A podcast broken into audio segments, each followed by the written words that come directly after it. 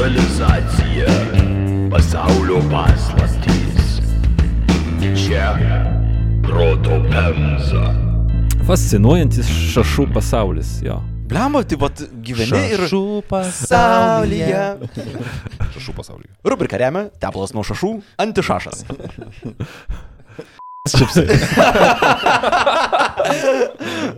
šašų skonio. Traškus. Ant tavo odos. Užkandžiai prie laus, o taip pat ir pabarstukui ant jūsų makaronų. O šiems šventėms ypatingai su plaukeliais. Mm. Nustebink visus. Sveiki gyvi mūsų pervertukai ir pervertukės. Jūs įsijungiate podcastą Proto Pemza. Savo moksliai jūsų ausų speleologijos entuziastai. Kas yra speleologija? Mokslas, kuris tyrinėja urvus. Ok.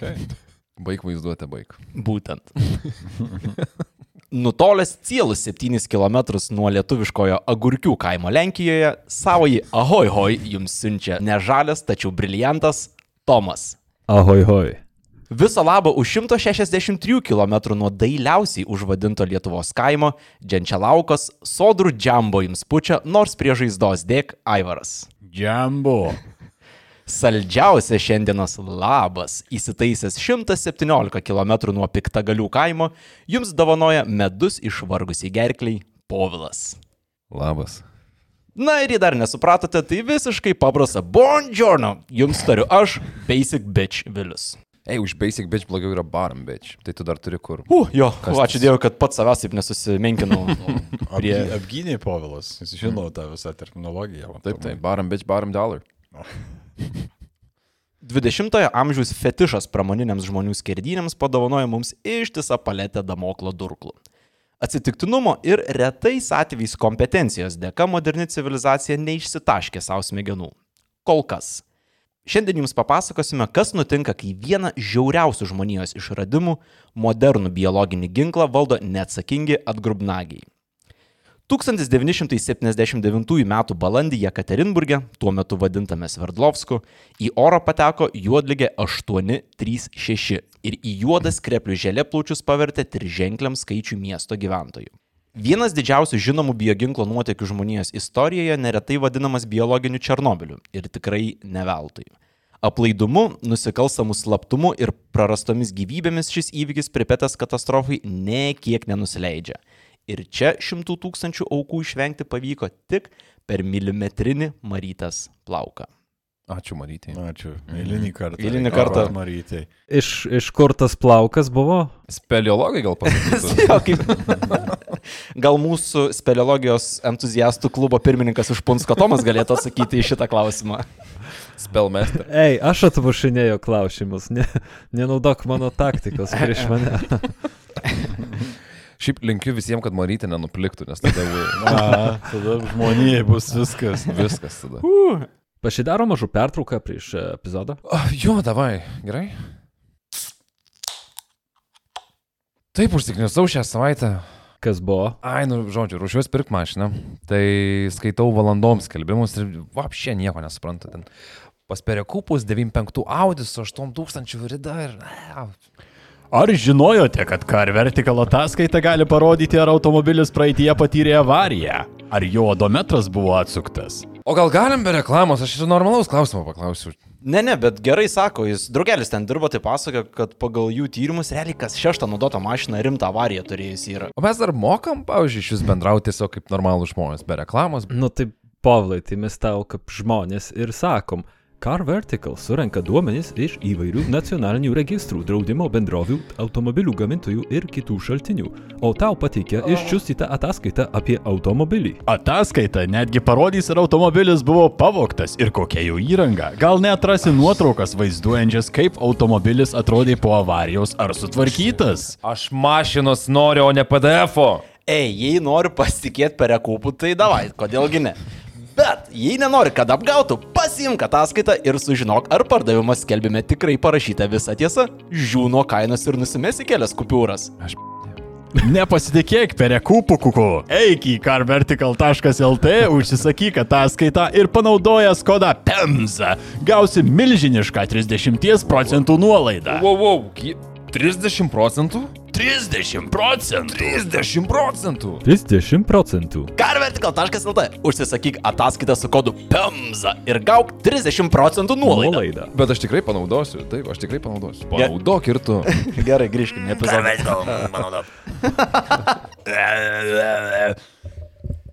Prieš leidžiantis į pasakojimą keliam bokalo šaltiniams. Greta internete sužvėjotos medžiagos tyrinėjimams padėjo Kanato Alibekovo knyga apie sovietų biologinio ginklo programą Biohazard.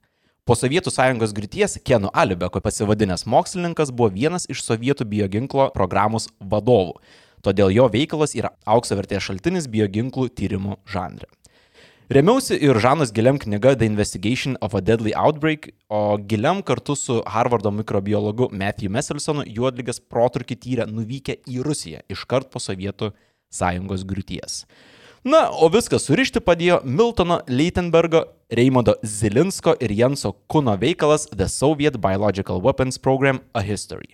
Toks faktoidas paraštėms, kad lietuvių kilmės mikrobiologas Raimond Zilinskas arba Raimondas Žilinskas yra laikomas be negeriausių bioginklo tyriejų ant visos žemelės. Ir, na, jis tik prieš keturis metus pasitraukė iš gyvųjų tarpo. Be lietuvių piršto neapsėsi. Taip, niekaip. Giliai į biologinio ginklo panaudojimo detalės čia nesileisime. Ne todėl, kad neįdomu, o todėl, kad bioginklo istoriją galėsite išgirsti 31-ame idėjų komposto epizode, žaismingai pavadintame Skriejantis lavonai ir kiti žmonijos nuotykiai. Idėjų komposto pemzai užduodamo klausimo epizodai bei kitoks tik jums kuriamas turinys prieinamas mūsų Contribui rėmėjams. Startinis paketas už viso labo 3 eurus 50 per mėnesį arba tiek pat, kiek kaštuoja 125 gramai fasuotų gervogių. Kviečiame prisijungti. Tai pradžiai, kolegos, turiu Jums tokią klausimą. Kaip manot, kokio velnio turint viską naikinantį atominį ginklą, iš vis reikalingas toks brodas kaip bioginklas? O nėra, kad slapčiau tai gali daryti ir truputį, nu, norėjau sakyti, švariau. Masiškai sunaikinti didelės grupės žmonių, slapčiau, mm, nežinau. Nu, daugiau, kaip sakant, reginys geresnis kažkuria prasme. For spectacle. Nes, jo, jeigu tu nori, kad tavo priešai ne tik tai mirtų, bet ir kankintųsi, a, beprotiškai mirdami, tai turbūt bus tavo weapon of choice. Turi būti ypatingo šlykštumo mm. veikėjas, kad Jo. norėtum šito. Mhm. Man atrodo, dėl to, kad kaimynas turi. Aš ir noriu. Jo, čia yra irgi argumentas, kad jeigu, na, jeigu priešas turi biologinį ginklą, tai might as well ir, ir man turėti. Bet greta šitos logikos yra dar vienas argumentas, kurį teko perskaityti, tai kad skirtingai nei pavyzdžiui atominė bomba, biologinis ginklas leidžia sunaikinti priešo pajėgumus, nesunaikinant infrastruktūros. Va, va, aš tą turėjau menį švariau, kad tiesiog žmonės iššluojo, bet Taip. nėra tos destrukcijos didžiulės. Taip, tai kitaip tariant, iššluoji miestą, atini ir pasiemi visą miestą, lavonus į šoną ir gali teoriškai bent jau naudoti tą miestą savo reikmėm. Bet man toks ir kilo klausimas, pavyzdžiui, užneši Maro, ne, su tavo minėtom katapultom tam pavadinime, aš nežinau, kas tai bus, aišku, bet uh, užneši Marą, tai ko tu tikiesi, kada tu galėsi jau tenai ateiti? Labai, Paulai, geras klausimas, nes vienas iš biologinio ginklo pasirinkimo dėmenų yra teisingai pasirinkti lygą, kad galėtum perimti infrastruktūrą ir nesukeltum tokios epidemijos, kuri tau grįžtų bumerangu. Mhm. Tai tam, kad tą pasiekti, itin greit ir lengvai plintančios lygos nelabai tinka. Todėl koks buboninis maras ar net šustresnė koronaviruso versija nebūtų geras pasirinkimas. Dar būtų gerai, kad sukeltas susirgymas veiktų ribotą laiką, o pagaminti ir sandėliuoti lygos sukėlėją nebūtų per daug sudėtinga. Ir čia pasigirsta fanfaros ir į sceną įžengia Bacillus anthracis - juodligė, tobula lyga paversti ginklu. Ar čia tavo nuomonė dėl to, ar tu dėl to, kada galima ateiti į... yra ribotas kiekis lygų, iš kurių galima rinktis, kad jos būtų efektyvios. Mhm. Tai pavyzdžiui, jeigu tu pasimsi lygą, kuri žiauriai greitai plinta iš žmogaus žmogui, tai bus labai sunku sukontroliuoti epidemiją, na, nepaverčiant jos pasaulinę epidemiją. Net mhm. jeigu tu kažkokiu būdu turėtum, sakykime, vakciną ar, na, priešnodį kažkokį, jeigu paleidi lygą ant dėlės populacijos, ji mutuos per laiką ir ta tavo vakcina pasidarys praktiškai nieko verta per tam tikrą laiką. Ei, tai geriausia kontrataka, kai tau paleidžia biologinį ginklą yra tiesiog bėgti atgal pas Jep. priešą. Realiai jo, ta prasme, jeigu jau žudom visus, tai tokiu, tokiu atveju tai. Fuck. Juoduoji ir... Gotta go. Tai juodligė yra labai, labai sena lyga, skaičiuojanti per 15 tūkstančių metų. Net vietiniai Amerikos gyventojai ją žinojo dar iki pirmojo kontakto su europiečiais. Pagrindinis juodligės šaltinis gamtoje - žolę rupšnojantis gyvuliai. Taip yra todėl, kad lygą sukelia dirboje hibernuojančios juodligės sporos. Vos tik patekusios ant kūno, jos nubunda ir transformuojasi į bakterijas. Patekę į organizmą lygos sukėlėjai dauginasi, taip gamindami žinduoliams itin kenksmingus toksinus. Daugiausia žalos kūnui padaro būtent toksinai, o ne pačios bakterijos. Todėl lygai įsibėgėjus antibiotikų nauda mažėja, nes net ir nužudžius tas bakterijas, jų pagaminti toksinai lieka. Progresuoja juodligė labai greitai. Po poros dienų nuo užsikrėtimo kūno vietoje turėjusioje kontakto su bakterijos sporomis atsiranda raudona dėmė, kuri virsta pūliu.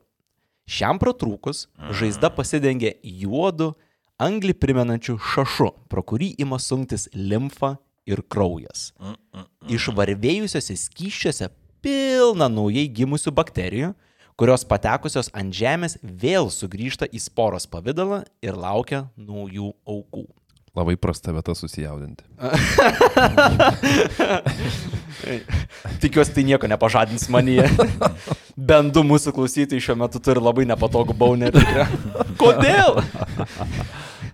Ei, mirtingumas didesnis statistiškai negu susijaudinimo žmonių beklausant to. jau ką mes netysiam, mes visus jūs palaikom. Lauko sąlygomis sporos gali išgyventi kelis dešimtmečius, o laboratorijose ir šimtą metų. Plitimas per sporas reiškia, kad žmogus juodlygiai yra vieta daugintis ir pati bakterija yra labai suinteresuota savo nešiotojo mirtimi. Mhm. Bet ar jeigu aš, a, tarkim, gloščiau karvę, Mhm. A, paprastai gloščiau. Mhm. Ir, Jeigu ant tavo penio buvo žaizdų polai, leisk užbėgti įvykiam už akių. mano Kadyrovo kardas suteptas. Kadyrovas jo. Kadyrovo kartu. Kardyrovas. Bet čia būtinai tas, kurį kažką, kas tavo kalba nekalba kišė ir greičiausiai jo. Kardyrovas.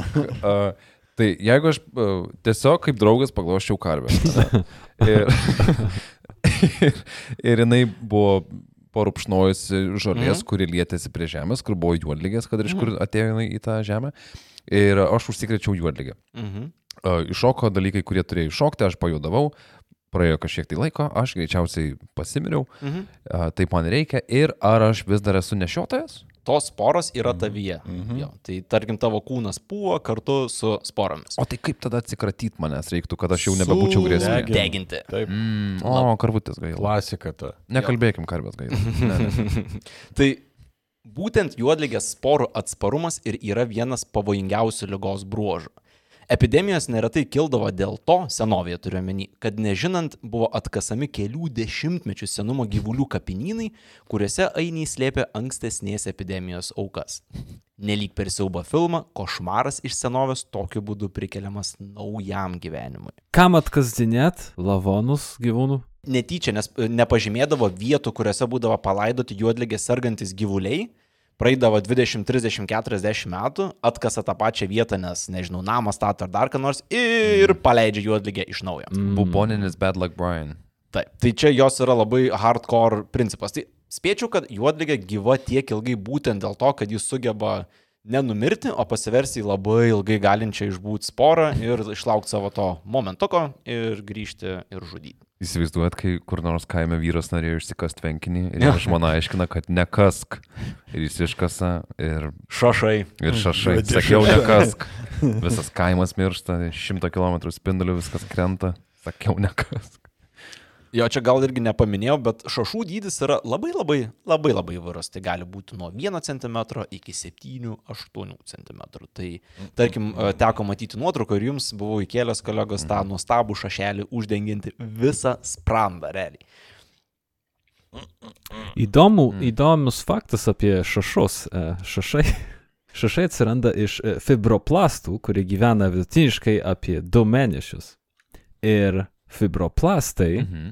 yra gaminami pačioj pačioj saldžiausioj ir skaniausioj kaulo daly - čiulpuose. Mm, mm, mm. Iš esmės juodligės tipai yra trys - odos, skrandžio ir plaučių. Kiekvienos versijos mirtingumas labai skiriasi, nes minėtieji sultingiai šašai formuojasi toje kūno vietoje, kur sporos prisikėlė iš numirusiųjų. Pavyzdžiui, odos juodligė yra dažniausiai pasitaikanti ir mažiausiai pavojinga. Negydant, odos juodligės mirtingumas maždaug kaip rusiškos ruletės partijoje ir siekia apie 20 procentų. Mm.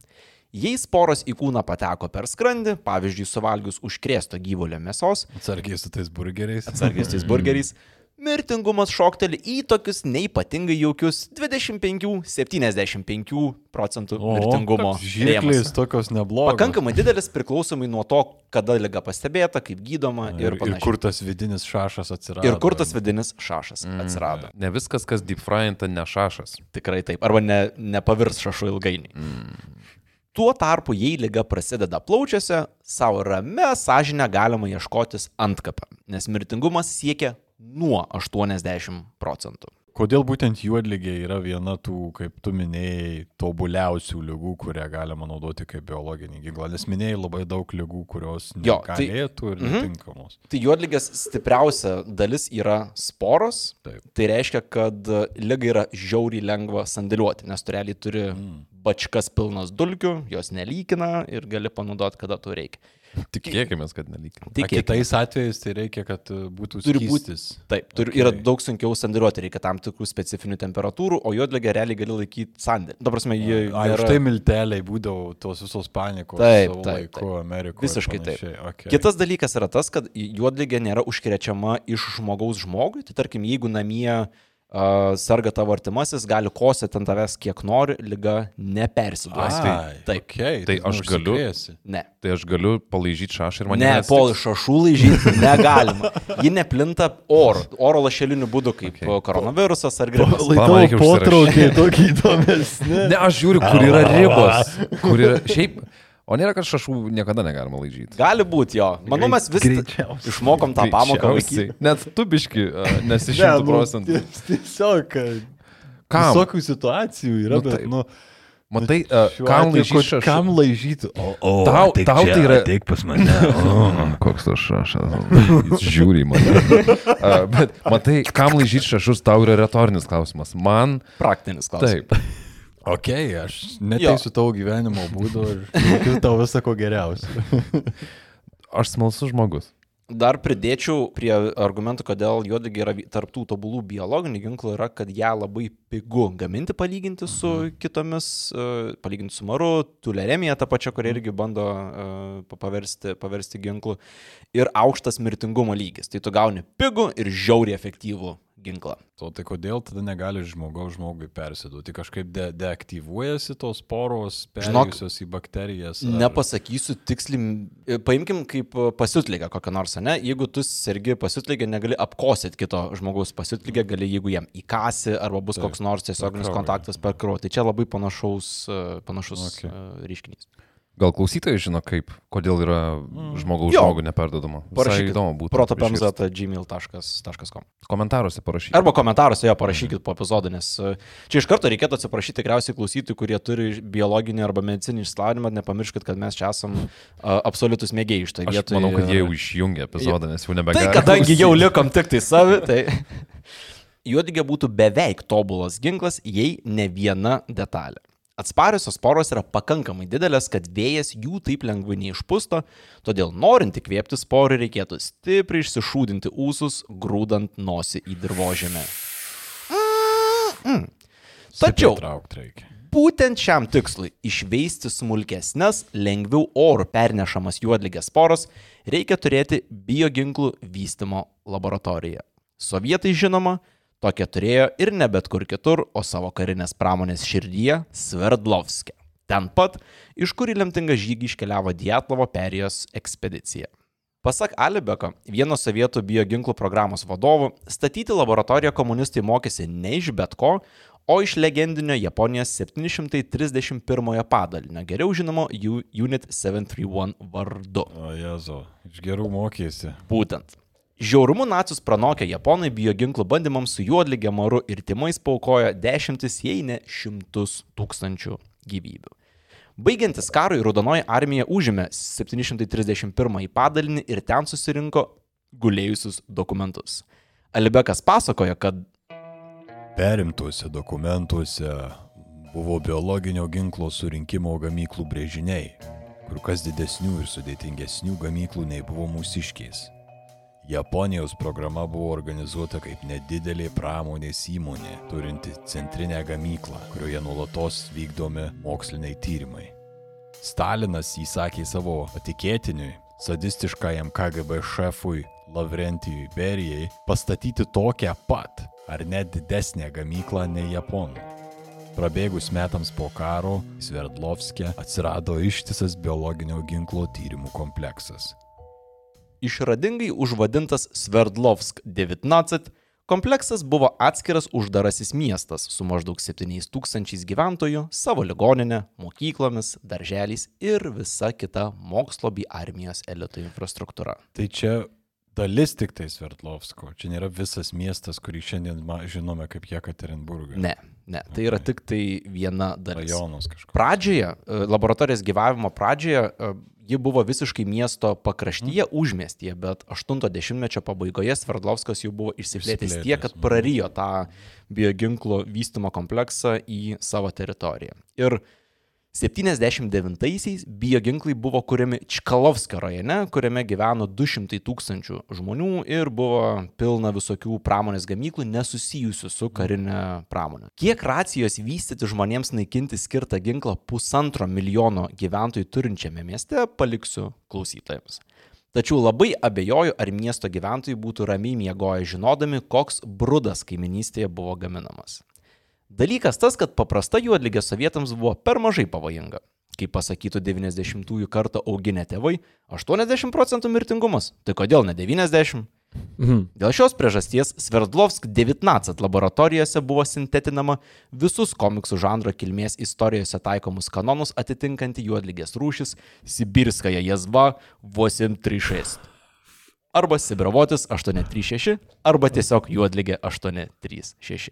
Albekas būna tai kaip pačią pavojingiausią tą rūšį ir aš visiškai juo tikiu, nes jos kilmės istorija yra metal as fuck. 1953. Kirovo bioginklo laboratorija. Darbuotojai į nuotekų sistemą netyčia paleidžia nedidelį kiekį juodligės sporų. Ištisa darbininkų divizija iškart apginkluojama chemikalais. Jų užduotis - genocidas. Nužudyti kiekvieną sporą, sterilizuoti kiekvieną nuotekų sistemos centimetrą. Epidemija nekyla. Todėl įvykis pamirštamas trejiems metams. 56-aisiais į bioginklo mokslininko Vladimiro Sizovo rankas patenka Kirovo nuotekų sistemoje sugauta žiūrkė. Graužika puošia puokštė pūliuojančių šašų. Diagnozė aiški - juodligė. Ištyrus limfos mėginius paaiškėja tiesa. Valymo darbai prieš trejus metus nebuvo sėkmingi. Juodligė tris metus tūnojo kanalizacijoje. Godžiai mito žiūrkėmis, kol buvo sugražinta į laboratoriją, iš kurios pabėgo. Ji grįžo mirtinesnė, lengviau užkrečiama ir gaminanti mažesnės sporas. Rusijos nuotekų sistema padarė neįmanoma. Patobulino 15 tūkstančių metų mirtį sėjusią bakteriją žudikę. Sugauta Juodligė 836 sugražinama į Sverdlovsk 19 kompleksą. Tačiau vieną kartą paragavusi laisvės, sporų motina neketino likti kalinę amžinai. Čia yra grinai 90-mečio siaubo filmų Jo! scenarijus. Taip. Pradžia visiškas intro, kur kažkas kažkur kanalizacijoje Taip. killer aligatorius atsiranda, kuris pradeda žudyti visus Visiškai. Niujorke. O tai jiem nekilo tokias klausimas. El, tai gal dar kažko ten rasim, pažiūrom. Du bičiai su ūsais tokiais pažilusiais vienas kitam sako, pėda pakrapšykite viskį. Tai radom šitą naują juodligę, du, du skirtingus e, buboninius e, užkratus. O kai jie tą žiūrkę šašą ištraukė iš kanalizacijos, Mhm. Vyko valymo darbai ir jie iš karto save karūnavo, kad, nu, jau dabar tikrai visas pagavo. Kaip supratau, e, praėjus po tų trijų metų, jie ne tai, kad patys nuėjo ir iš ten ištraukė, bet tiesiog kažkas na mieste pastebėjo šašuotą žiūrį ir sakė, "E, reikia parodyti, parodė ir... Mieste, suprato. kuris nežinojo apie tą... Ir nei apie laboratoriją kompleksą. nežinojo, apie, Mm. apie nieką tiesiog. Mm, e, o kokia keist, koks keistas katinas. Nelaižyk. O toks. Čia. Vladimirai, Vladimirai, tik žiūrėk. Nu, nu. Nu, žiūrėk. Šašas. Nu, ant žurkės. nu, o geras. Tai ką dabar darysim? Paima tą žiūrkę ir su ranka taip išspaudžia iš jos viską ant duonos, žinai. Mm. Nice. Ir taip atsirado žodis zakuson. Tai va, taip atsiranda gervogių džemas. O. Pažiūrėk, šašas su uodega. Vienas kitą gazdyti pradėjo tą žiūrkę. Tu gaudyk, tu gaudyk. Karštą bulvę žaisti. Ir taip pala, ir ką jie padarė? Išmesk žiūrkę, ale palik šašą. Galėjo šiaip kokiam muziejui, galėjo padaryti iškamšą iš tos žirkės, būtų pastarnavus uh, biologiniai istorijai Sovietų sąjungos. Nežinau kaip, bet būtų pastarnavus. Neužilgo pasitarnaus į Sovietų sąjungos biologinį Mm. istoriją. 1979 balandžio 2 diena. Pirmadienis. Artėja vakaras. Sverdlovs 19 bioginklų gamyklos pažeminėje laboratorijoje ūžia mašinas. Vyrai ir moteris baltais guminiais kostiumais prižiūri juodligės 836 sporų gamybą. Kažkur skamba stikliukai. Tikrai neguminiai. Tikrai Jau negaliu. tas laikas, čia Sovietų sąjunga. Stikliukai ir akordeonas. Ir viskas iš viso laukia vyksta tikrai. Ta žiūrkė jau seniai bėgiojo, tiesiog niekas nepastebėjo. Žiūrkės akordeonų groja tikriausiai. Ne, žiū, žiūrkė, žiūrkė yra uždaryta, kažkas groja akordeonu, visi likę ploja. Žiūrkė yra stikliukas, iš kurio geriama to. A, bet žiūrkė tą čia čiotką šoka. Kaip tai tas šokis? Vienoje patalpoje sporos atskiriamos nuo skyščio, kuriame užauga, kitoje trinamos į dulkes, o trečioje galiausiai sumaišomos su jas nešančiu aerozoliu. Kova su kapitalizmu neturi galo, todėl gamykla dirba visą parą, trimis pamainomis ir per dieną gali susintetinti iki dviejų tonų sporų.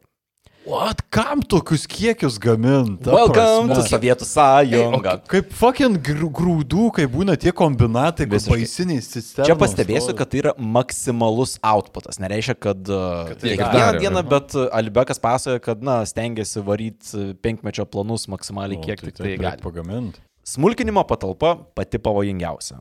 Sausos ir susmulkintos sporos yra vieno 3 mikronų dydžio, todėl orą reikia nuolatos valyti dideliais ir galingais oro filtrais. Tai mikronas yra tūkstantoji milimetro. Sorry, vis prisimenu tą frazę. Visi darbus turėdavo Sovietų sąjungoje. Yep. Fuck, jo, rimtai. Jo. Š, šluot juodlygę. Paskirimą gauni pa. Stasas ateina, apsirengia tų savo kombinzonų, šluotą pasėmė. Kelių sluoksnių filtras išorinį pasaulį saugantis nuo juodligės yra itin jautrus. Pirmoji jo grandis sulaiko 10 kartų smulkesnės dalelės nei sutrintos juodligės sporos. Einantieji už pirmosios grandies dar smulkesni. Saugumo sumetimais keičiantis pamainoms pirmasis filtras apžiūrimas ir pakeičiamas. Kitų keisti nereikia, nes oras nepavojingas jau prasikošęs pro pirmąjį filtrą. Tai praeina pro pirmą filtrą laboratorijų ir tu jau gali kvepuoti oru be baimės užsikrėsti. O Kaip fil- čia, kaip čia taip Sovietų sąjungoje dabar padarė, kad jau net trys sluoksniai. Čia net, jų netgi daugiau dar tų sluoksnių. Dar daugiau, bet jau po pirmo yra kažkas. Nu, kam taip, čia taip. dabar tai... Šiek tiek pavojinga, liga, žinai. O filtrą patikrindavo ir pravalydavo lygiai taip pat kaip ta kanalizacija. Praeina. Nu, šašų nematau ant vamždo. Filtras veikas dar lik. Ta pirmadienio vakarą pabaigęs darbą leitenantas pulkininkas Nikolajus Černišovas, kaip ir priklauso, sustabdo įrenginius, veikiausiai itfuristas padanga paspardo į metalinės cisternas ir atlieka įrenginių apžiūrą, bei tai padaręs grįžta į savo būdelę. Ten kryva ranka užrašo - filtras užsikišęs, todėl jį išėmiau. Reikalinga pakeisti kitu. Tai padaręs, užsideda užšankę ir p***a žaibą namo. Jis nuėmė filtrą ir paliko raštelį, kas ateisit po manęs, indėkit naują. Taip. Okay. Tai jis pats neįdėjo, nes Ne. atrodo, okei. Ne.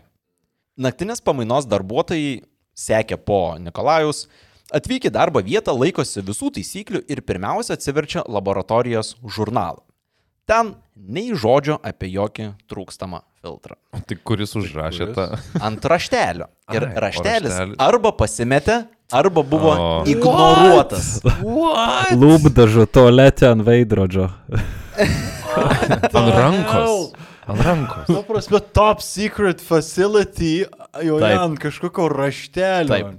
O, Tik priminsiu, visi darbus turėjo. Visi darbus turėjo. tai va, kodėl ir turėjo, turbūt, aš nežinau. Tai tas kolios raštelis arba pasimetė, arba jis buvo visiškai praignoruotas. Ir jo gal net nebuvo.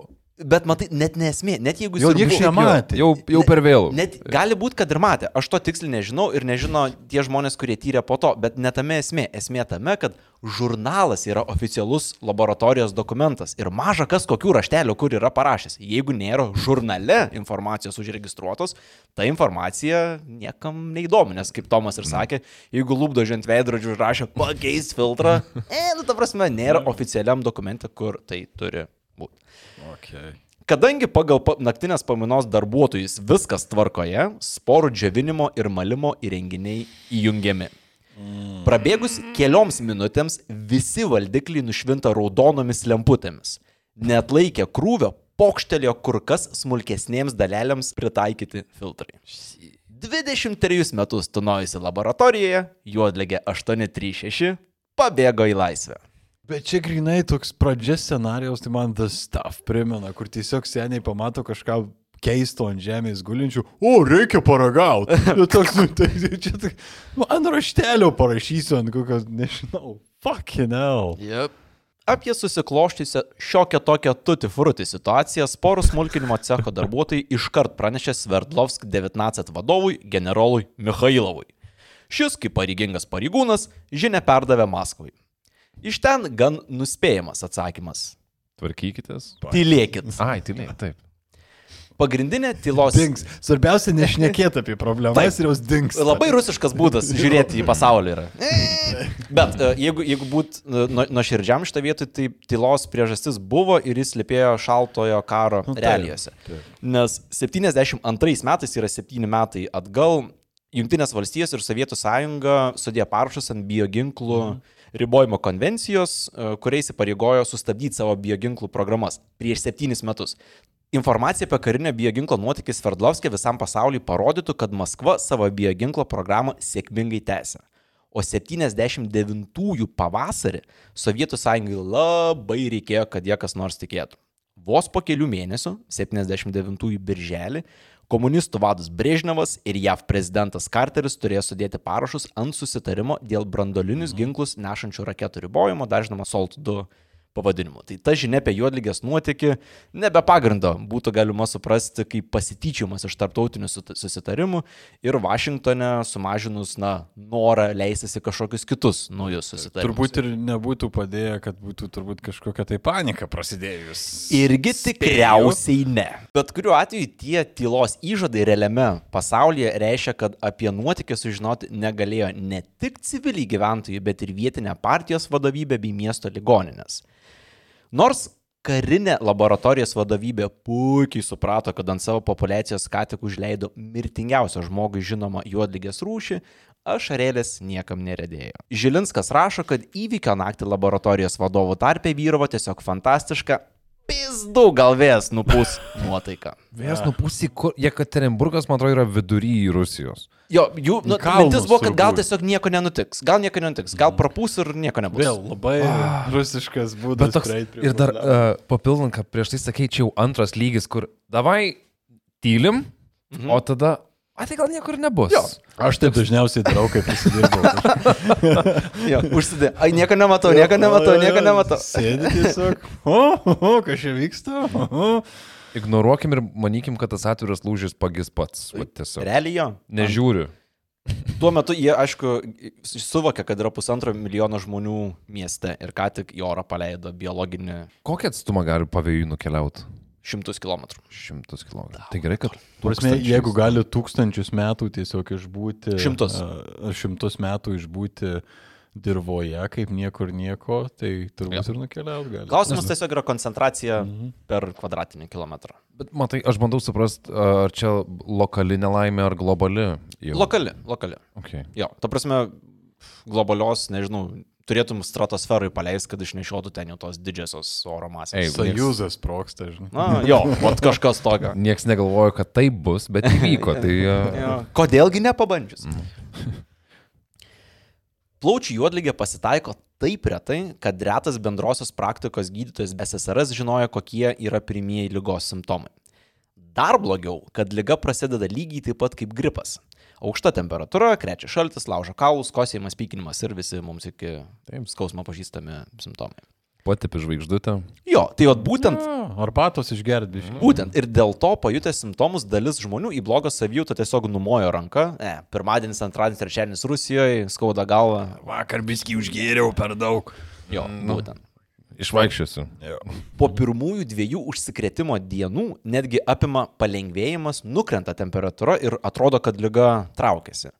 Tačiau nepraėjus net kelioms valandoms nuo to palengvėjimo, kūne jau pilna spėriai besikrušančių bakterijų, o jų skleidžiami nuodingi toksinai į organizmą plūsta krioklio greičiu.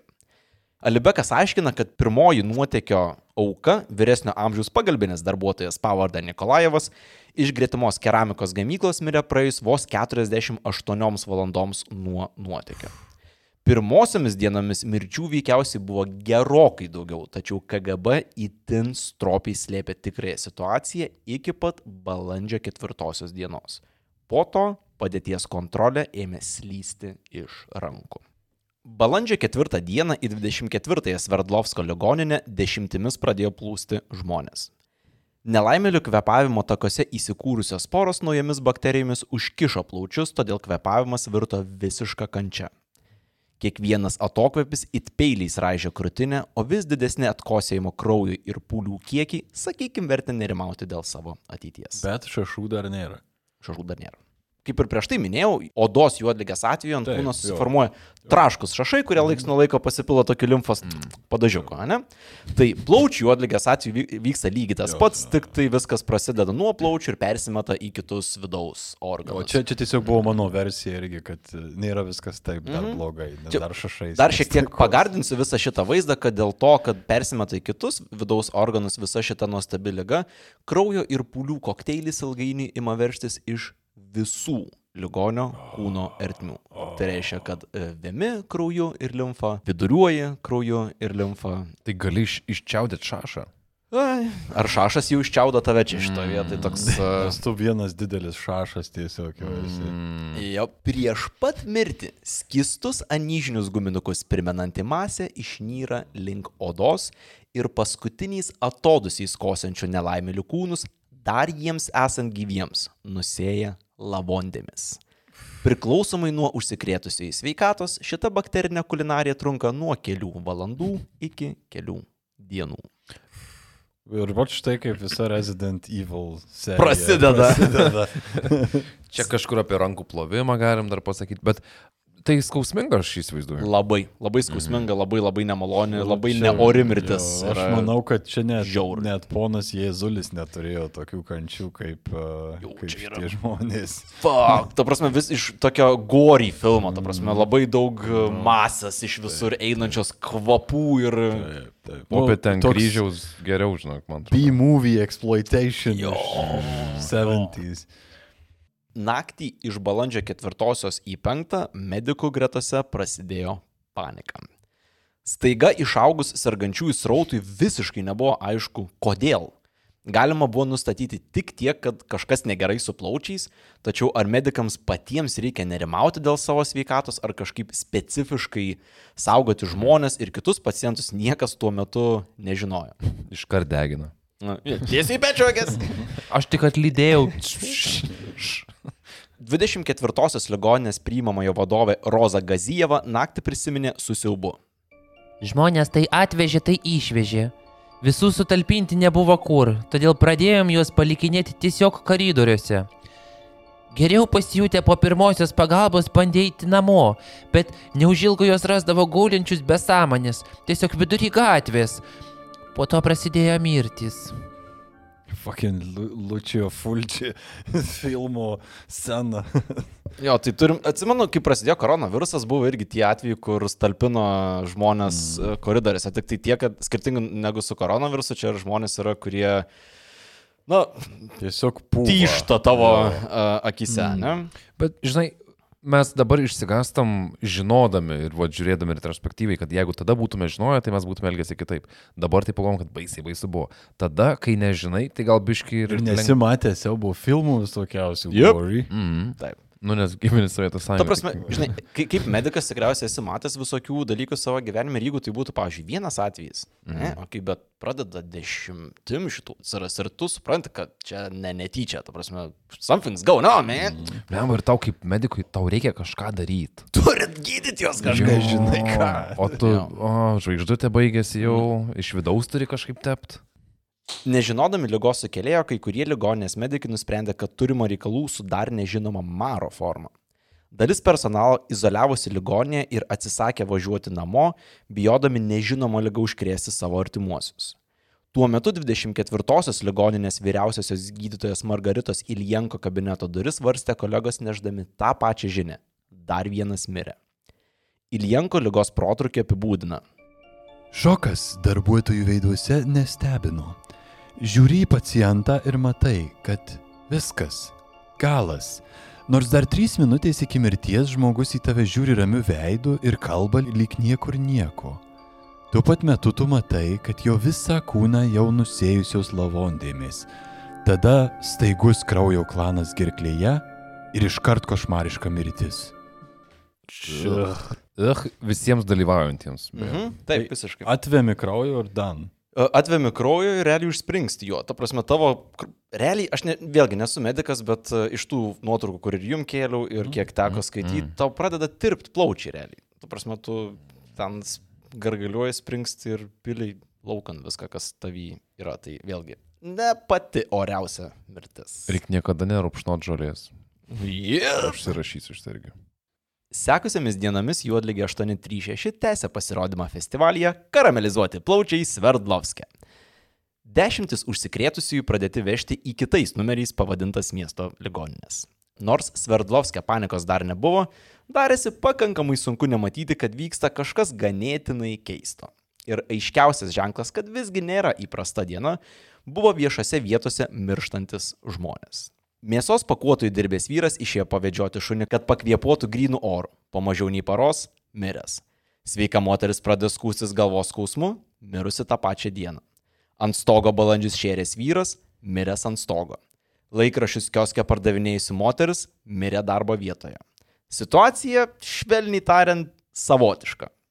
Sverdlovsko epidemiologinio centro vadovas Nikolajus Babičius atsimena. Žmonės mirdavo tiesiog tramvajuose ir pastatų koridoriuose. Tiesiog nebuvo kada iškviest greitąją pagalbą. Visa šita situacija nutiko, rodės, per akimirką. Mirusiųjų skaičiui augant 20-oji ligoninė netruko susidurti su makabriškąją lavonų sandėliavimo problema. Pamatę pajuodusius, krauju ir šašais nusėtus kūnus, kai kurie aukų artimieji tarė, ai gal ne, ir atsisakė pasimti mirusiuosius. Ne, ne, čia ne mūsų, mūsų tai gražiau atrodė. Ne taip atsimenu. Ne. Ateini, nes mums reikia, kad pasimtumėt savo artimą, jie ateini ir tiesiog yra juoda bala. Viskas. Na, mano sietka keura, žinok, nelabai turiu kur susi... O grindų skuduro nepasirinkau. Nu tai trilitrinėm ir palaidojom. Ligonių kančią nuo A iki Z stebėjo medikai lygiai, taip pat nedegė entuzijazmų užsimti pakasinamis žmonių, kurių mirties sukėlėjas tuo metu dar nebuvo žinomas. Pagalbos prašymai iš miesto savivaldos sulaukė tylos, nes joks lygos protrukis juk nevyksta ir neišsigalvokit. Tišu, kad ne. Rusiškos problemos reikalauja rusiškų sprendimų. Todėl atsiraitojus rankovas Margarita Ilienko nusipirko degtinės, pasiėmė grinųjų smulkiamis kupiūromis ir išėjo ieškoti pagalbos. Pavyko. Pavojingiausios žmoniai žinomos juodlikės aukų utilizavimo komandą sudarė fantastiškoji trijulė. Vienas neblaivus antechnikas, vienas neblaivus stalius ir vienas neblaivus šiaip kažkoks meistras. Kūnus degtinės entuziastai surinko plikomis rankomis ir užkase netoli ligoninės. Kiek stipriai tai neatsakinga galime iliustruoti rekomendacijomis skirtomis utilizuoti nuo juodligės mirusių žmonių kūnus. Ir šitas receptukas beje buvo išleistas penkios dienos po alkoholikų komandos sudarimo. Mirusiųjų kūnai suviniojami į antklodę išmirkytą 20 procentų stiprumo baliklio ir kalkių mišinyje. Kūnai laidojami metaliniuose arba itin sandariai sukaltuose mediniuose karstuose. Karsto dugną padengti 10 cm baliklio sluoksniu, ant jo uždėti kūną ir visą iš šonų ir viršaus apibarstyti balikliu. Karstą geriausia kremuoti, tačiau nesant tokios galimybės reikėtų užkasti į 2 metrų arba didesnį gylį. Jei laidojimo vietoje grunto vandenys arti paviršiaus, karstą įdėti į dar vieną sandarę dėžę, iš visų pusių apipilti balikliu. Ir žiupsnį druskos ir pipirų dėl skonio. Tai pašauti krematoriumą porį valandų. Ir maldelę savo nuožiūrą. Lapelį baziliko. Vėlgi, aš tik priminsiu, kad ten bičiai plikom rankom užkasa iš tos žmonės. Jeigu juos su buteliu surado, nu, tai čia yra tipiniai kaimo duopkasiai turbūt tokie, tai nestebina. Balandžio 10 dieną mirus maždaug 40 žmonių, vietiniai medikai susistemina turimų autopsijų rezultatus ir konstatuoja, kad visų mirčių priežastis - juodligė. Rezultatai išsiunčiami į Maskvą, kur veikiausiai nuaidi kolektyvinis Wow, kaip čia viskas dabar netikėta atodusis. Po šių žinių į Sverdlovską ima tekėti sveikatos apsaugos ministerijos delegatai ir šusnis civiliais persirengusių KGB pareigūnų. Pagrindinė jų užduotis, žinoma, sėkmingai paslėpti juodligės nuotėkio šaltinį. Pabėgęs užkratas viešai buvo karamelizavęs per daug sverdlovskiečių plaučių, tad nebebuvo įmanoma apsimesti, jog čia nieko nenutiko. Apie kokį daug maž skaičių čia kalbam šitoje vietoje? Skirtingais duomenim, gerai, sakykime, oficialiais duomenim, tai 40-50. Okay. Oficialiais. Oficialiais rusiškais duomenim, kas man reiškia daug, daug daugiau. Geras autobusas. Jo. Ištirpusių žmonių. Kaip tikri entrepreneriai, KGB sveikatos apsaugos ministerijos atstovų lūpomis pradėjo platinti naują oficialią versiją. Į Sverdlovską pateko juodligė užkrėstos mėsos siunta, kurios suvalgė miestiečiai ir numirė. Pasak Alibeko, Skrajutėmis gyventojai buvo raginami nepirkti mėsos iš neoficialių pardavėjų. Nušauta šimtai laukinių šunų, teigiant, kad jie irgi privalgė užkrėstos mėsos ir po miestą nešioja užkratą. Tuo pat metu apsimetę medikais KGB pareigūnai buvo išsiuntinėti į mirusiųjų namus, kur aukų artimiesiems pateikė suklastotus mirties liudijimus. Bet čia melas gimdo dar didesnį confusioną yep. tokį ir... O, jeigu visą tą energiją, kurią jie skyrė meluot, būtų skyrę šalint padariniam, situacija tikriausiai būtų buvus geresnė, bet sveiki atvykę į Sovietų Rusiją. Bet matai, kaip pirmai ir minėjai, jie turi tą, uh, yra tas aspektas neprarasti veido prieš visą likusį pasaulį. Jo, tai... tai čia pagrindinė, ta prasme, tu leidi tirpti savo gyventojams tam, kad uh, atrodytum Mhm. geriau to vietoj. Ties maždaug balandžio 14 dieną epidemija pasiekė piką. Ko ne savaitę kasdien siaubinga mirtimi nusibaigė dešimtis žmonių. Miestas pilnas gazdinančių plakatų, o radio ir televizijos programos kas dvi valandas pertraukiamos su monotonišku pranešimu. Vnimanė, vnimanė! Į miestą pateko juodlygė užkrėsta mėsa. Griežtai draudžiama pirkti bet kokią mėsą turgavietėse iš pavienių asmenų bei kitose tarybos nepatvirtintose vietose. Gavęs KGB leidimą veikti, apokalipsės spektaklio režisieriumi tampa Sverdlovsko komunistų partijos vadovas Borisas Jelcinas. O, Taip, tas pats O, Borisas tas Jelcinas. jisai šitoj Boris- kriziai buvo kaip... Jisai Wow. buvo Sverdlovsko komunistų partijos vadovas O, tuo metu wow. e, šitoj, e, šitoj vietoje. Nu, nu, ką Borė čia Ši- nudirbo? Iš kalbėsenos tai atrodo, kad biški ir paveiktas buvo irgi patirtas iš Jis vidaus. visada toks- Jis, tikriausiai man atrodo, galėjo būti šiek tiek padezinfekuotas iš vidaus. Jis vi, visą laiką nuo to įvykio paniškai dezinfekavosi iš vidaus. Visą laiką, kasdien. Jo, iš- toks e, kaip tikas išsivystė, žinai, visą laiką. Niekada nežinai. Jo. Su Maskvos ir Jelcino palaiminimu praėjus 12 dienų nuo juodligės pabėgimo ir mirus oficialiais šaltiniais remiantis daugiau nei 60 žmonių, prasideda koordinuotas atsakas. Visi juodligės simptomais besiskundžiantys žmonės perkeliami į 40-ąją miesto ligoninę su 500 lovų. Mieste pradedama masinė vakcinacijos kampanija ir vien bioginklo laboratorijos apylinkėse paskiepima per 59 tūkstančių žmonių. Vakcinacija nuo ko? Aš Nuo juodligės. Galima vakcinuotis Galima nuo vakcinuotis juodligės. nuo juodligės. Yra du būdai, kaip, na, du efektyvūs būdai, kaip būtų galima išvengti juodligės. Tai vienas iš jų yra duoti antibiotikus realiai iš karto, kai tik užkratas yra išplatintas. Pavėlavo šiek tiek į šitą traukinį.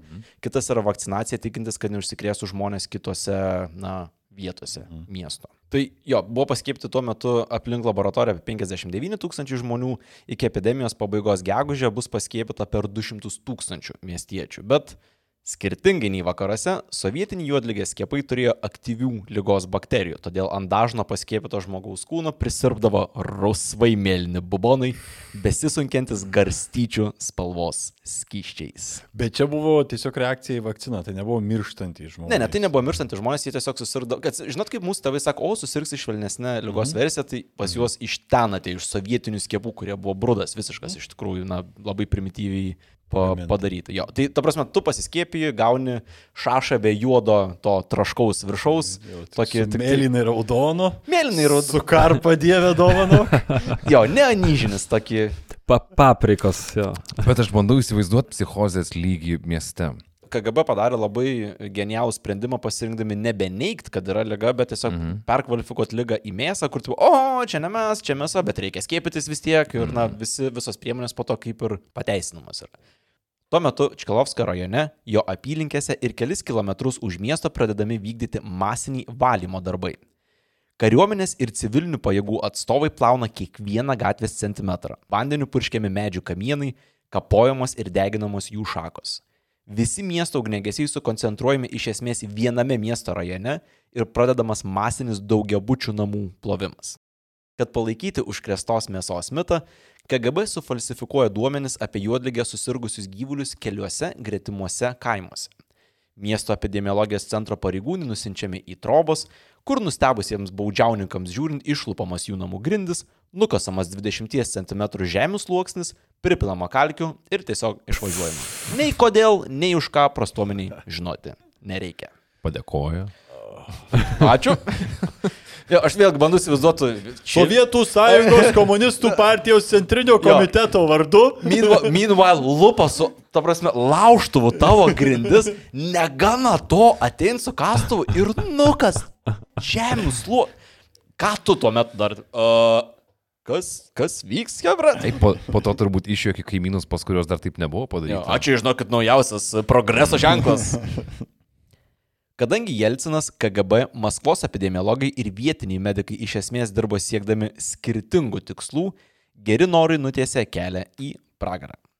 Dalis miesto plovimo ir valymo darbų buvo atliekami galvojant, kad kovojama su per užkrėstą mėsą plintančią juodligę. Dėl šios priežasties Jelcino parankiniai nusprendė nešvaistyti chemikalų ir namus bjaugalus plovė vandeniu. Kam gerą daiktą mesti į užkrato šaltinis mėsa. Tačiau realybė buvo kitokia ir mieste buvo pilna juodligės 836 sporų, kurios valymo darbų metu vėl pakildavo į orą, mm. keliaudavo toliau ir užkrėsdavo daugiau nelaimėlių. Praėjus keturioms dienoms nuo epidemiją užbaigti turėjusių darbų pradžios, žmonės ligonėse toliau giltinę pasitiko paspringę plaučių krešuliais. Uh. Tai tos sporos, jos su vandeniu, dalis iš jų pakyla, bet dalis uh, vandenį lieka ir tas vanduo nubega. Ar tai neutralizuoja jo. pačią bakteriją, ar jį gerai jaučiasi vandenį? Greitas Google sako, kad tos uh, bakterijos jos gali išgyventi vandenyje ir netgi gali išgyventi na, iki tam tikro lygio, net jeigu tame vandenyje yra chlorino. Tai šiuo atveju, net jeigu jisai jau yra kažkiek užchemizuotas, vis tiek gali, Reikia nebus stipriai užchemizuoti. Jo. Labai guvi ta, bakter... ta Mhm. spora yra. Kaip vėliau apie valymo darbus Alibekiui pasakoja vienas anonimų norėjęs likti generolas, Mes manėm, kad čia vienkartinis nuotykis ir valymo darbai viską išspręs per kelias dienas. Bet mirtys tęsiasi pusantro mėnesio. Juodligės 836 maratonas mieste tęsiasi nuo balandžio 4 dienos iki gegužės 16.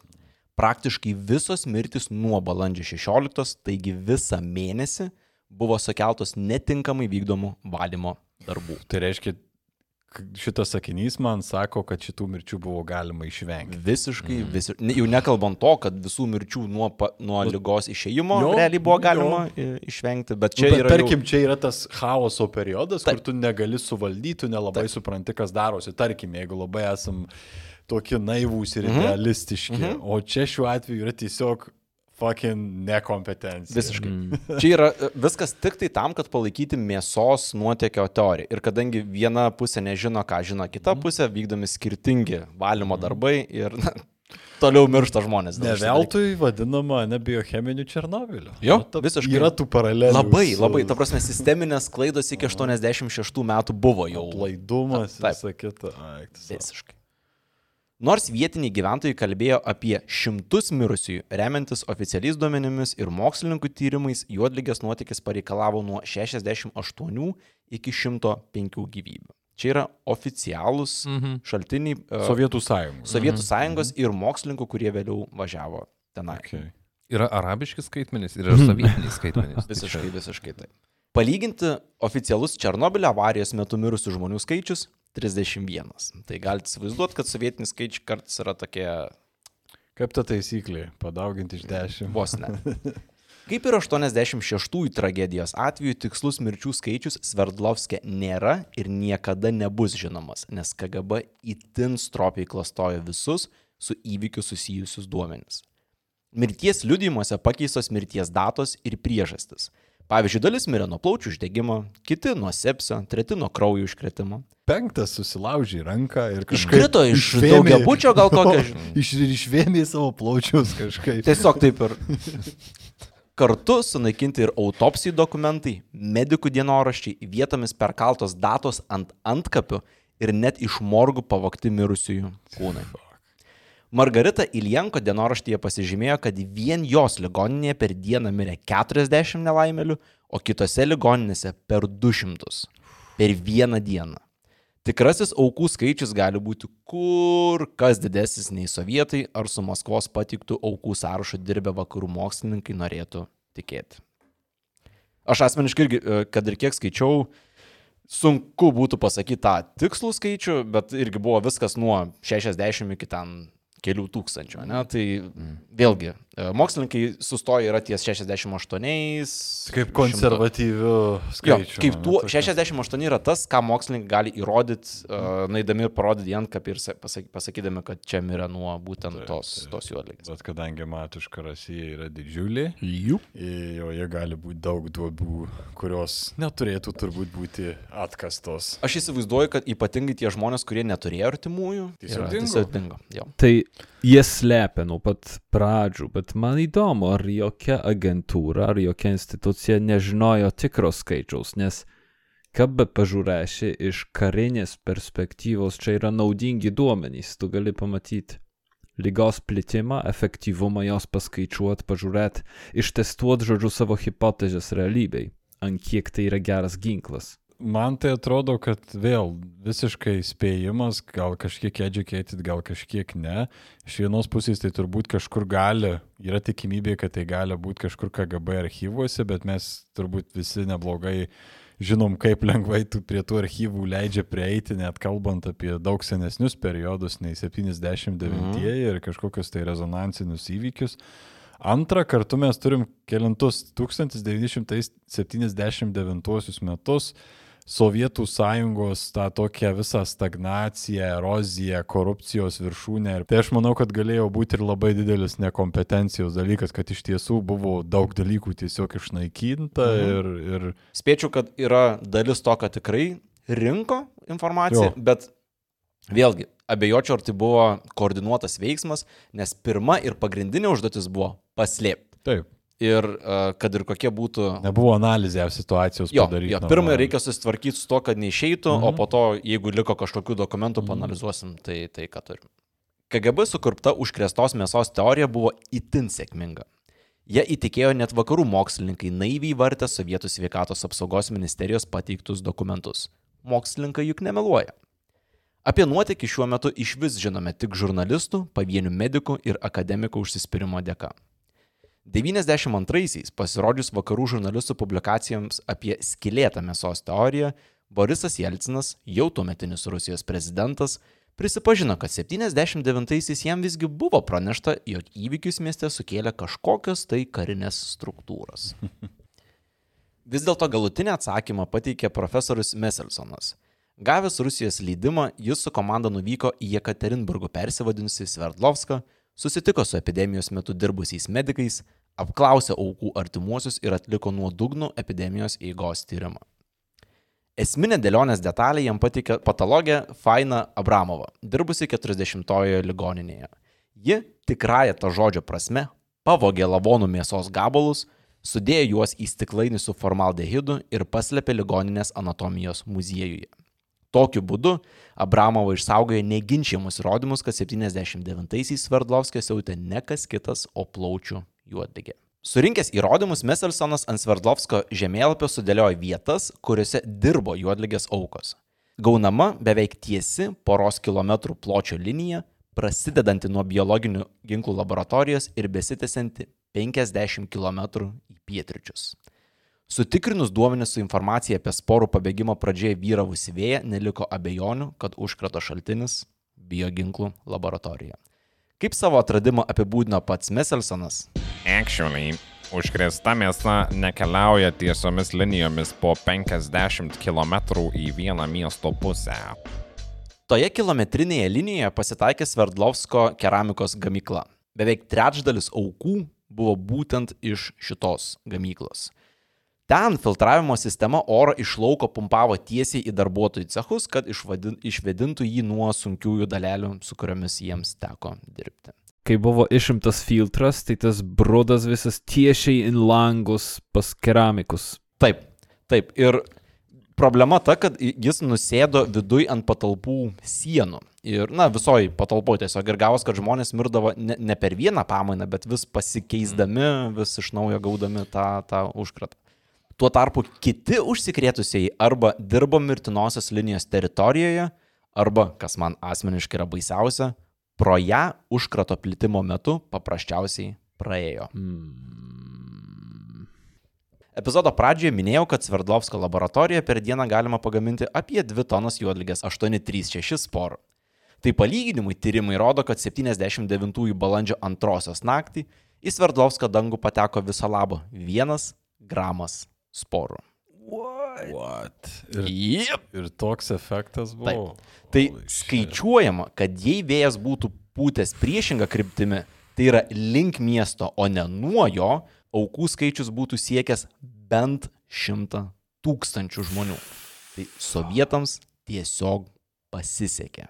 O, oh, wow. Čia ta prasme, kai pagalvoju, tu kaip kalbėjai, kad turi būti tam tikra koncentracija teritorijoje ir panašiai, nu tai aš galvoju, nu tai čia, nu ką, nu reikia pakankamai, kad susiklostytų, arba kad specialiai būtų, arba kad, kad iš tiesų daug turėtų būti.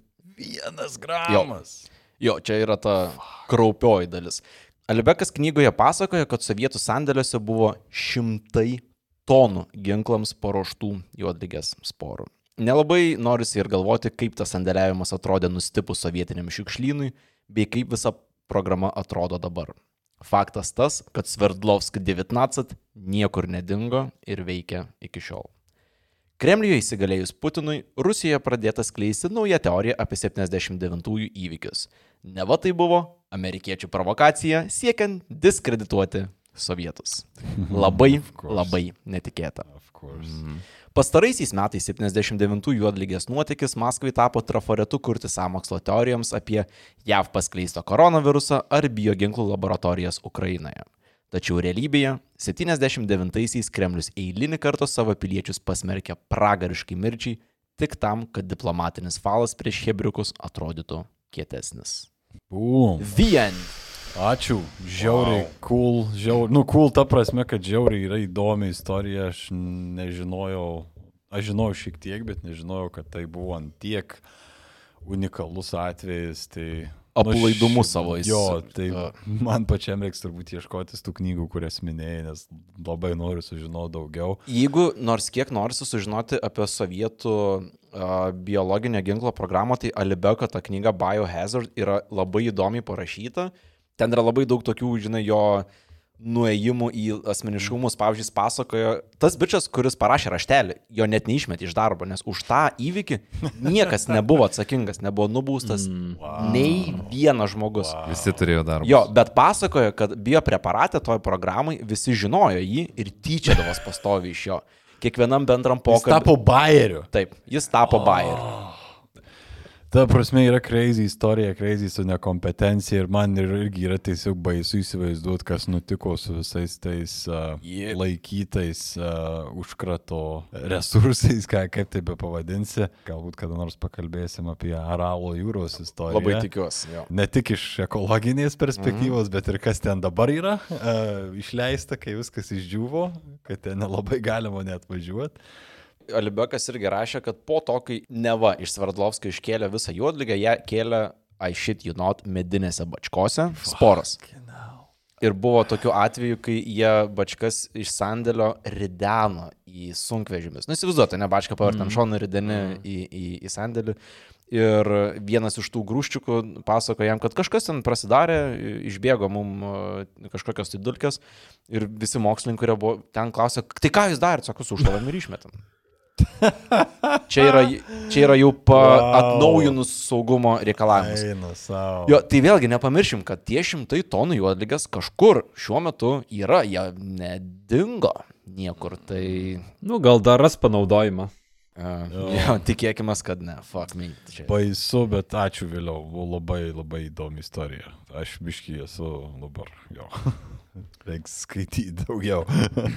Aš iš viso šitos uh, šūdų malkos kortų e, išsitraukiau tris, uh, sugalvojau taro kortas, kurias skirtingų aspektų norėjau prisiminti mm. visą šitą nuostabią istoriją. Aš to vėliau, kad papasakoju visų pirma, bet uh, iš gazdinančio aspekto išsitraukiau vaiduoklio Kaspero kortą, uh, nes dydis, mastas ir rezultatas juodligės ir apskritai turbūt bet kokios tokios lygos, kurį gali paskleisti ir šitas įvykis puikiai tai parodo, yra mažų mažiausiai gazinantis. Mm -hmm. Vien pagalvoti, net jeigu tai nebūtų įvykę, vien pagalvoti yra gan baugu, o jau kad tai įvyko, tai iš vis yra, aš neįsivaizduoju, sakau, tos psichozės, bent jau tenai būtų mirt nuo to, tai vakit, jau geriau, o ne tiesiog būti tenai aplinkui. Nežinau, kas geriau iš tikrųjų, nežinau. Žinai, čia tokia situacija, kur atrodo, kad jeigu reikėtų rinktis ar mirti nuo šito, ar gauti atominę ginklą ant savęs, I'll take the bomb. Jo. I'll take the bomb. Jo, jo. Antrą išsitraukiau kolios kortą.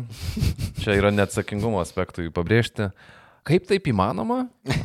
Jau galvoju, kad tu nesi kompetitingas savo Čia- darbe. Čia matai, žinai, mes visada kalbam apie amerikietišką svajonę ir kaip žmogus gali pats save už savo batų raiščių pasikelti ir išsitraukti iš duobės Amerikoje.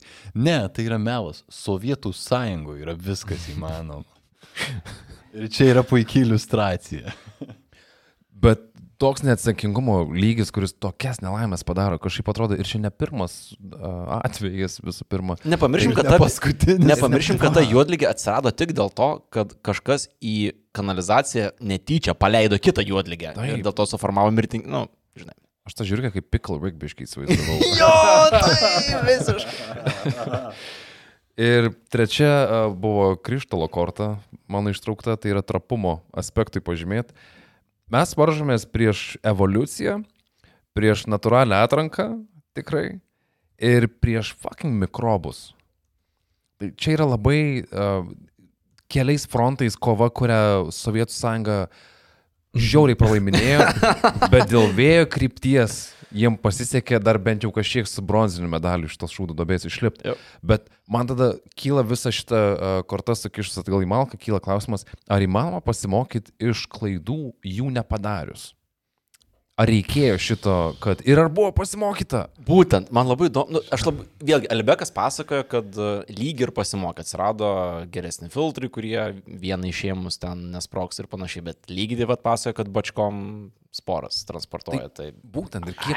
Bet, bet ir vėl, ta prasme, ar čia yra pačiose priemonėse naudojamuose problema, ar yra žmogiškajame faktoriuje, nes toks vaizdas čia, iš to, ką tu nupasakoji apie filtravimo sistemą, filtravimo sistema iš principo nebuvo kažkokia bloga. Ne, ne, Tai visiškai. buvo grinai žmogiškojo aplaidumo faktorius. Ir, Taip. ir tas, tas aplaidumo faktorius, nu, aš nežinau, aš asmeniškai gal per daug ciniškas esu, bet kad ir kokią tu gerą sistemą sudėliosi, atsiras erdvė kažkam kažką sufakapint. Jo, jo, jo, Ir, ir nu, tu Nu, jo. neišvengsi šito dalyko galiausiai. That's what we do. We fail.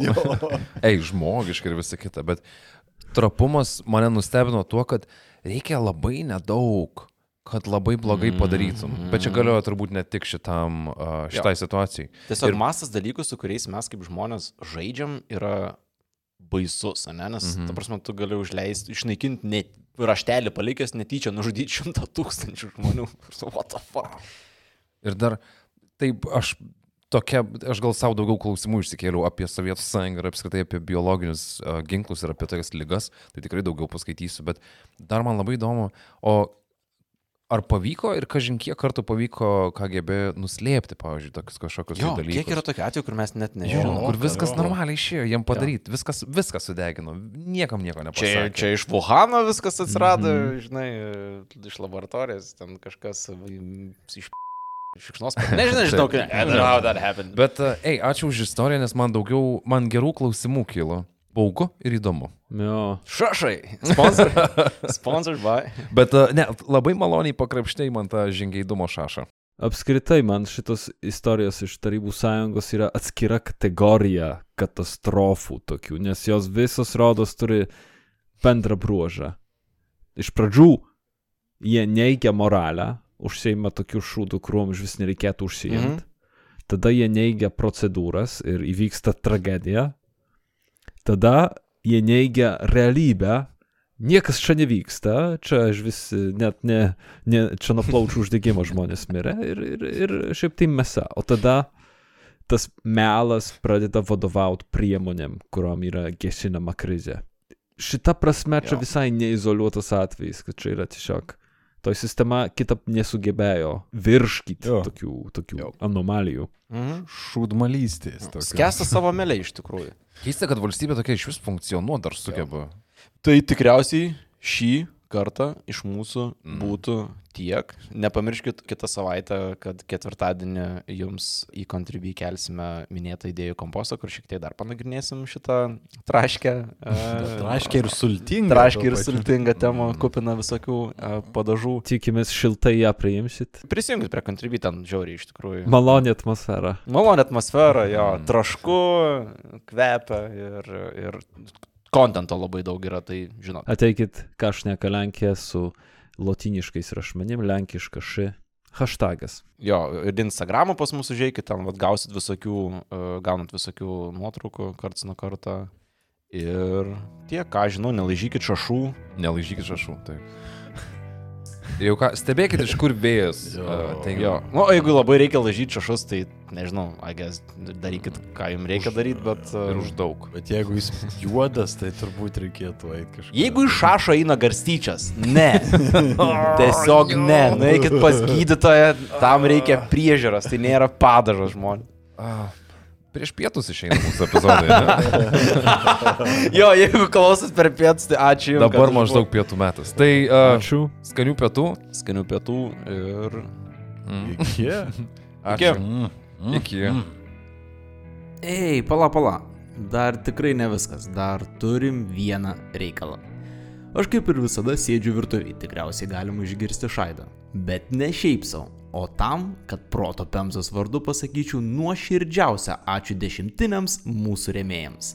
Traškių padėkų virtinę siunčiame Vytautui, Albinui, Agnutei, Simonui, Gretai, Rugiliai, Doviliai, Simui, Jovitai, Gabijai, Karoliui, Aušrai, Migliai, Jurgitai, Benediktui, Agnietei, Daliai, Gretai, Ugniai, Adolfui, Sandrai, Medeinai, Austėjai, Mariui, Gabrieliai, Nerijui, Aistei, Linai, Giedriui, Eimantui, Juratei, Jolitai, Gerdai, Viktorijai, Ernestai, Monikai, Gintariai, Gabrieliai, Kestučiui, Aleksandrui, Mindaugui, Eugenijui, Juliui, Astai, Semui, Mindaugui, Den, Rimantui,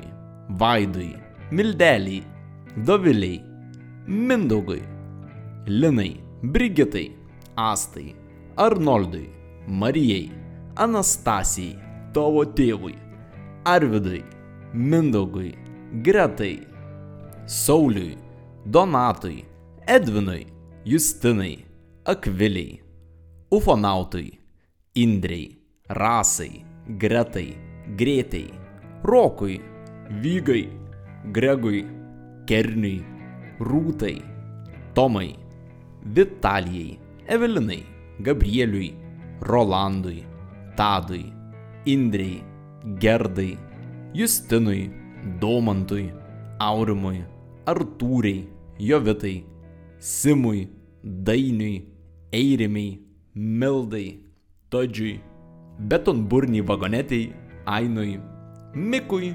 Artūrui, Sauliui, Evelinai, Mantvydui, Kūgimūgiui, Laurai, Gediminui, Simui, Gabrieliai, Egliai, Justinui, Godai, Kunigundai, Evelinai, Auritai, Šarūnui, Linai, Migliai, Justinai, Stepan, Justinai, Dariui, Dominykui, Arminui, Ingridai, Domui, Rokui, Juratei, Mariui, Gabrieliai, Augustinui, Martinui, Žygimantui, Jonui, Marijui, Justei, Edvardui, Džiugui, Editai, Arūnui, Kamiliai, Benui, Kotrynai, Rasai, Dominykui, Astai, Tadui, Dariui, Tomui, Gretai, Remigijui, Ingridai,